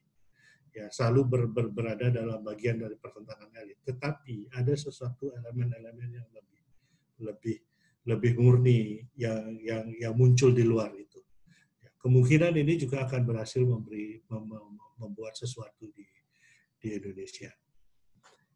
Uh, saya nggak tahu uh, orang bisa berkuasa dengan misinformasi, orang bisa berkuasa dengan buzzer, orang bisa.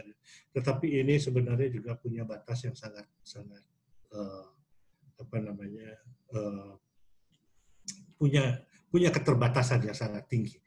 Jadi uh, uh, yang lebih penting sekarang apa pun disinformasinya yang dilakukan, kalau orang lapar orang akan tetap memberontak Nah, ini kondisi seperti ini yang kita yang kita harapkan tidak terjadi, tapi kemungkinan akan terjadi. Ya, eh, apa namanya?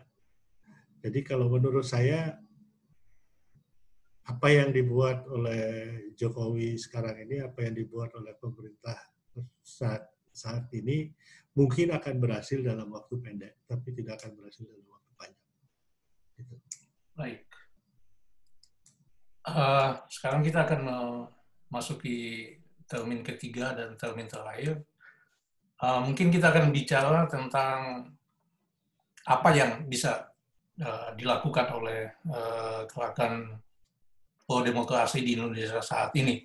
Jadi maksud saya begini, uh, saya selalu melihat persoalan itu dalam kacamata relationship gitu, relasional bahwa uh, menguatnya peran militer, menguatnya oligarki, menguatnya Jokowi dengan eh, aktivitas-aktivitas politiknya yang kita anggap tidak mendukung bagi penguatan demokrasi itu juga disebabkan atau berrelasi dengan lemahnya gerakan masyarakat sipil, lemahnya kekuatan pro demokrasi. Seandainya kekuatan pro demokrasi itu memiliki kemampuan untuk uh, bersuara lebih kencang dan didengar oleh pemerintahan ini, maka kemungkinan besar eh, kebijakan-kebijakan uh, dia yang dilakukan selama ini bisa bisa tidak terjadi gitu. Nah, sayangnya seperti yang dibilang Made tadi kan gerakan masyarakat sipil di Indonesia atau gerakan pro demokrasi di Indonesia ini sangat-sangat lemah. Justru bila dibandingkan dengan masa-masa pada zaman Orde Baru dulu. Nah, saya ingin dengar dari Pak Tia uh, apa yang bisa dilakukan oleh kita gerakan pro demokrasi, gerakan masyarakat sipil untuk membangun kekuatan yang kalau kita ngomong itu didengar dan bukan cuma seperti yang tadi Anda sebut sebagai uh, itu hanya formalitas, diajak bicara, dikasih masukan tapi nggak diimplementasikan masukannya dalam bentuk kebijakan, tapi betul-betul didengar karena kalau tidak ini akan uh, mengganggu paling tidak posisi atau kebijakan yang nanti akan diterapkan. Silakan Pak Tia. Ya. Uh, kalau dari kami sendiri berkaca memang dari uh, bagaimana efektivitas uh, ruang untuk para gerakan masyarakat sipil khususnya di bidang HAM bahwa kita tidak bisa berdiri sendiri dan hanya mengandalkan uh, apa namanya kekuatan kita sendiri untuk menyuarakan um, terkait soal diskursus hak asasi manusia gitu. Jadi uh, saya melihat bahwa memang polanya uh, pemerintah ini akan mendengarkan apa yang dikeluhkan oleh masyarakat apabila masyarakat yang sifatnya organik ataupun yang memang secara apa ya secara gerakan itu mereka tidak berasal atau tidak entitled dengan satu uh, organisasi tertentu gitu. Berkaca di reformasi di korupsi tahun lalu dan di beberapa uh, apa namanya momen-momen sebelumnya juga, saya melihat bahwa kalau misalkan masyarakat bergerak, uh, bergerak atas nama mereka sendiri, uh, misalkan mahasiswa uh, ataupun anak muda, terus begitu juga apa namanya masyarakat secara umum, itu sangat efektif untuk dilakukan. Dan makanya sepertinya memang penting sekali sekarang itu gerakan masyarakat sipil, organisasi-organisasi masyarakat sipil mulai mensinkronkan kembali gitu wacana-wacananya uh, dan juga nilai-nilai yang memang dijunjung tinggi oleh organisasi masyarakat sipil itu ke masyarakat pada umumnya gitu dan mulai terjun lagi ke gerakan-gerakan yang sifatnya lebih akar rumput begitu.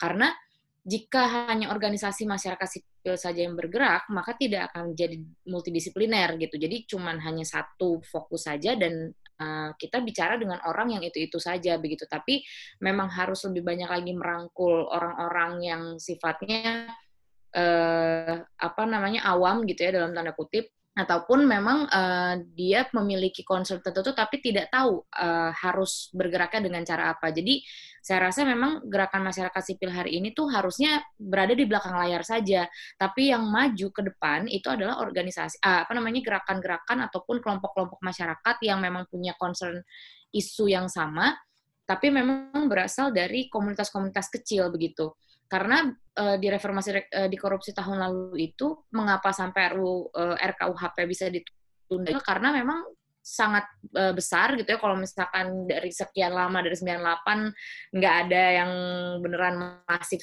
sama sekali dan baru kemarin gitu sampai 15 ribu orang uh, turun ke jalan.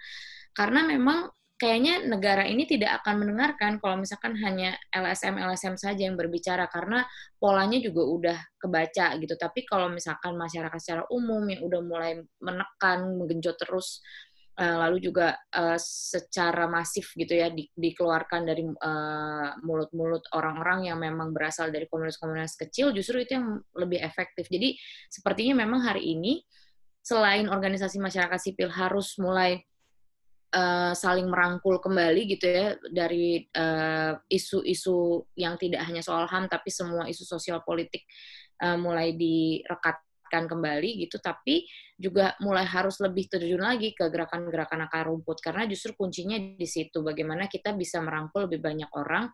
Bahkan yang sebenarnya tadinya kita rasa bahwa uh, dia sangat pro pemerintah atau lain sebagainya, justru kita harus bisa masuk ke kanal-kanal seperti itu agar kita juga bisa memberikan wacana ataupun memberikan diskursus terkait soal uh, apa perspektif yang berbeda dari apa yang terjadi hari ini gitu. Jadi tidak membatasi diri, tidak jadi suatu gerakan yang sangat eksklusif, cuman juga memang harus membuka diri untuk bisa memasukkan ataupun uh, memberikan apa ya merasuki nilai-nilai itu sendiri ke dalam gerakan-gerakan yang tidak mainstream begitu dan jadinya kita tidak hanya bicara ke diri sendiri doang gitu ya kayak ngaca di cermin gitu tapi uh, justru harus mulai masuk ke ranah-ranah yang sebenarnya tidak uh, familiar ataupun enggak enggak biasanya di di di apa namanya dimasuki oleh ruang-ruang organisasi masyarakat sipil begitu.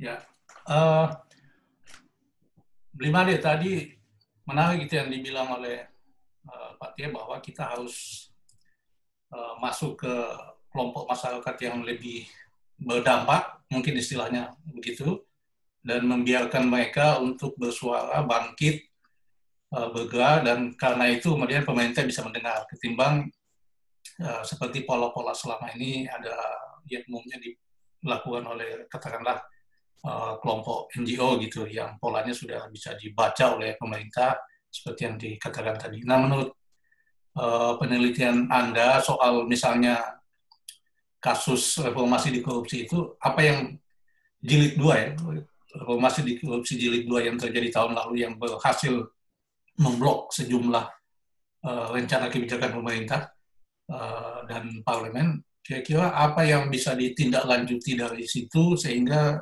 kemudian uh, gerakan masyarakat sipil, gerakan pro demokrasi, gerakan rakyat bisa kembali bangkit dan memberikan perlawanan yang lebih uh, fokus terhadap uh, apa yang sekarang ini sedang berlangsung di tingkat elit uh, pemerintahan. Uh, singkat saja, silahkan. Uh, iya, saya kira mungkin sekarang ada karakteristik yang penting dari gerakan terakhir ini ya bahwa dia tidak terorganisir, dia tidak punya pimpinan, dia tidak punya, dia bisa dijejak dan sangat mobil dan sangat cair gitu ya.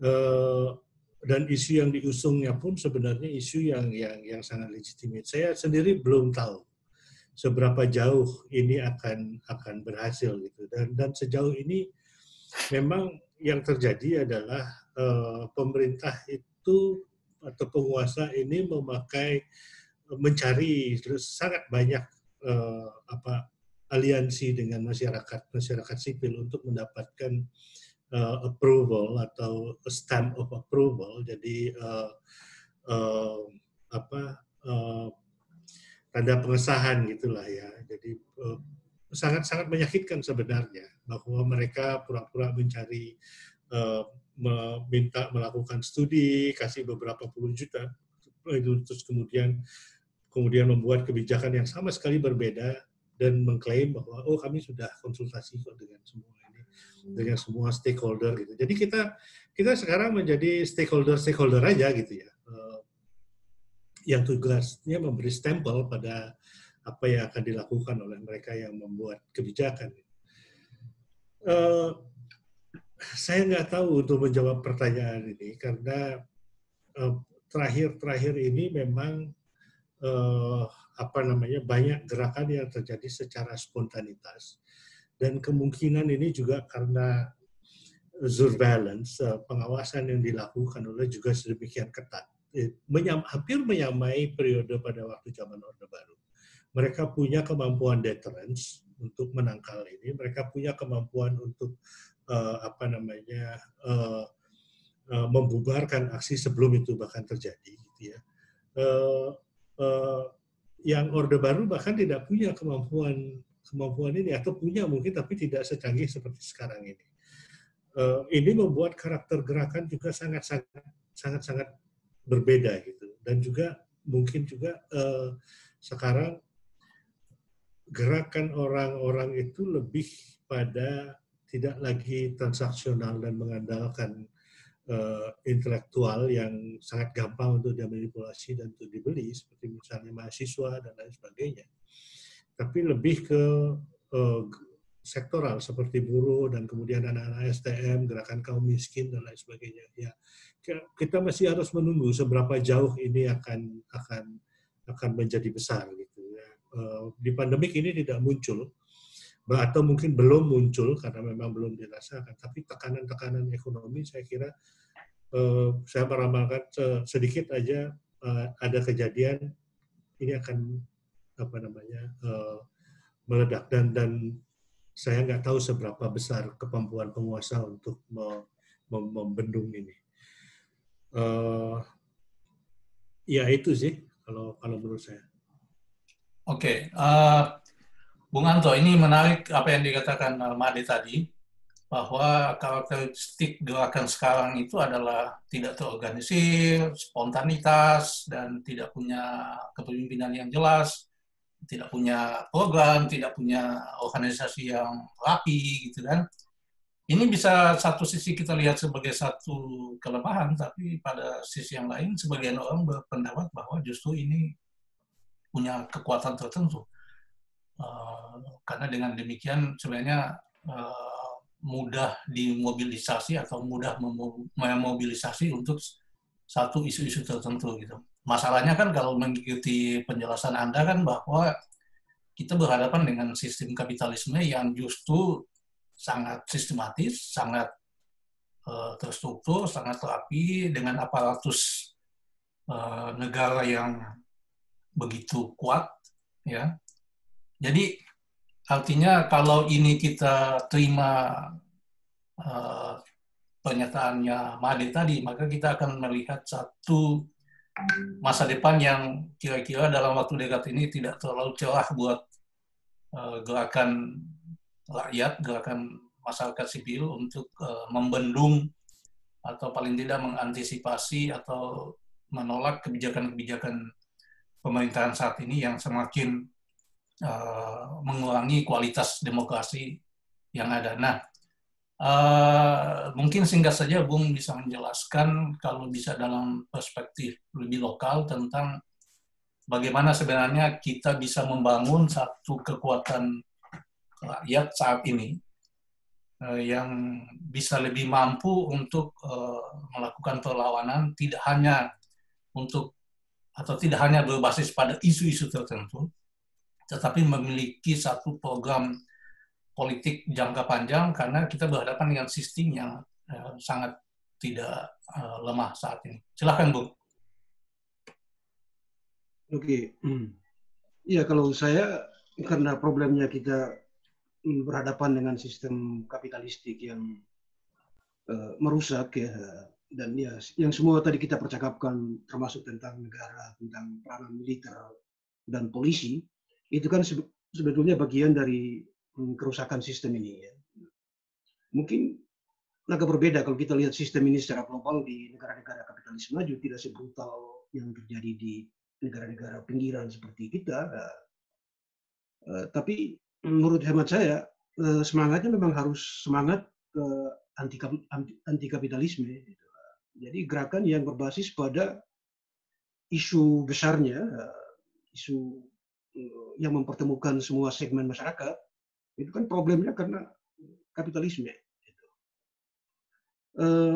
saya kira melemahnya gerakan masyarakat sipil yang tadi Made sudah sebut tentang apa namanya sulitnya organisasi-organisasi masyarakat sipil, terutama organisasi non pemerintah untuk memperoleh uh, dana internasional, kan ada semacam regulasi yang dibikin oleh pemerintah Indonesia. Tapi kan juga ada aspek lain di situ. Ada aspek di mana kapitalisme global atau pasar memang lagi mendisiplinkan kita. Kita tahu Indonesia itu kan naik status, naik status dari uh, lower middle income menjadi upper middle income. Nah kita tahu tidak ada kasus di mana beberapa lembaga dana internasional itu karena naiknya status itu mereka tinggalkan Indonesia. Salah satu contohnya itu DFID. Gitu. Jadi kalau gerakan uh, hanya berbasis pada apa namanya uh, donor internasional, memang kita akan menghadapi kesulitan di tengah uh, kondisi perubahan ekonomi yang membuat kita naik kelas seperti sekarang. Gitu. Nah, suka tidak suka, saya setuju dengan apa yang dibilang oleh teman-teman di kontras bahwa memang harus uh, masuk ke organisasi-organisasi masyarakat yang lebih luas, ya. organisasi buruh, organisasi petani, atau organisasi masyarakat miskin di perkotaan, atau kaum muda di perkotaan yang susah untuk mendapat pekerjaan di tengah-tengah pertumbuhan kapitalisme yang begini dahsyat. Ini kan kelompok-kelompok yang sebetulnya uh, tidak, ya terorganisir, tapi karena kita belum punya platform bersama untuk mempertemukan, ini sebetulnya isu besarnya adalah kapitalisme. Kaum tani yang tanahnya dirampas di pedesaan, itu kan ekspansi kapital.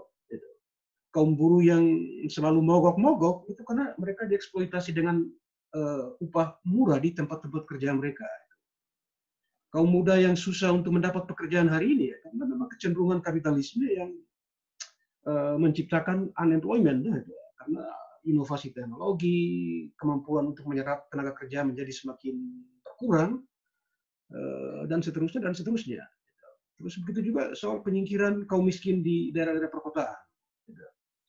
Nah, buat saya eh, semua ini menggambarkan dengan tegas, dengan jelas kepada kita bahwa ini semua adalah akibat dari eh, sistem kapitalisme yang semakin progresif. Nah, oleh karena itu mau tidak mau harus ada usaha untuk membangun gerakan yang sifatnya lebih Eh, menohok secara langsung pada sistem ini. Saya kira gerakan anti kapitalisme harus eh, di apa di dikumandangkan.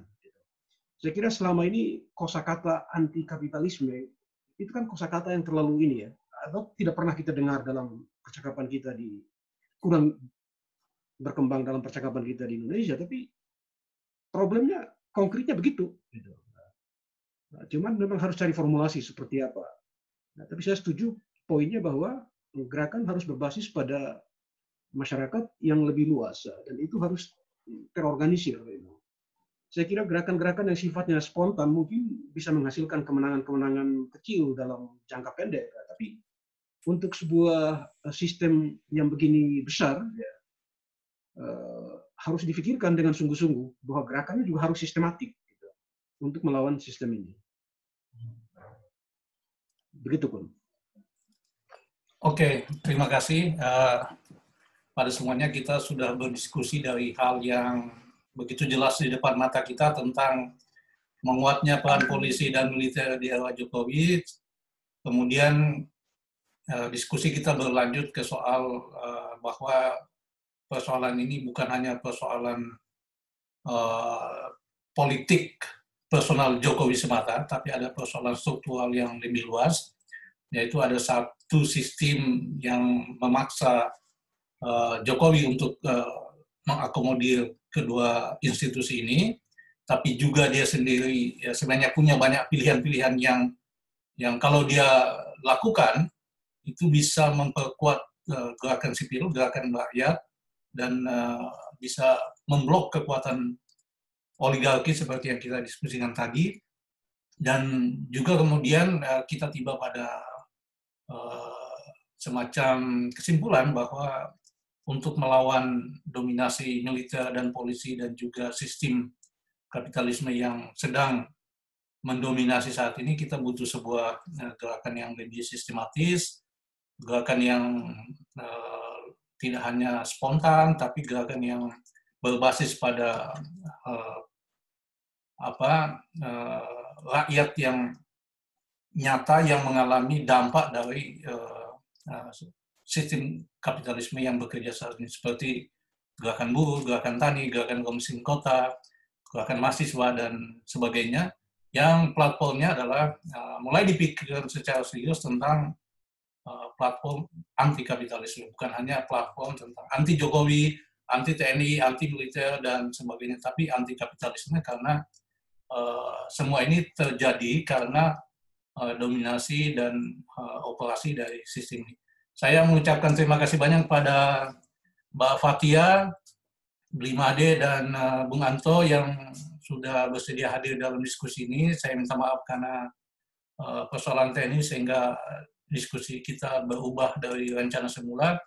Uh, Mudah-mudahan kita bisa bertemu lagi di kesempatan berikutnya. Mbak Fatia, jangan sungkan-sungkan untuk uh, memenuhi undangan kami. Uh, sangat uh, berguna sekali informasinya, update-nya, dan sekali lagi terima kasih. Eh, selamat dan tetap menjaga kesehatan di masa pandemi ini. Bye.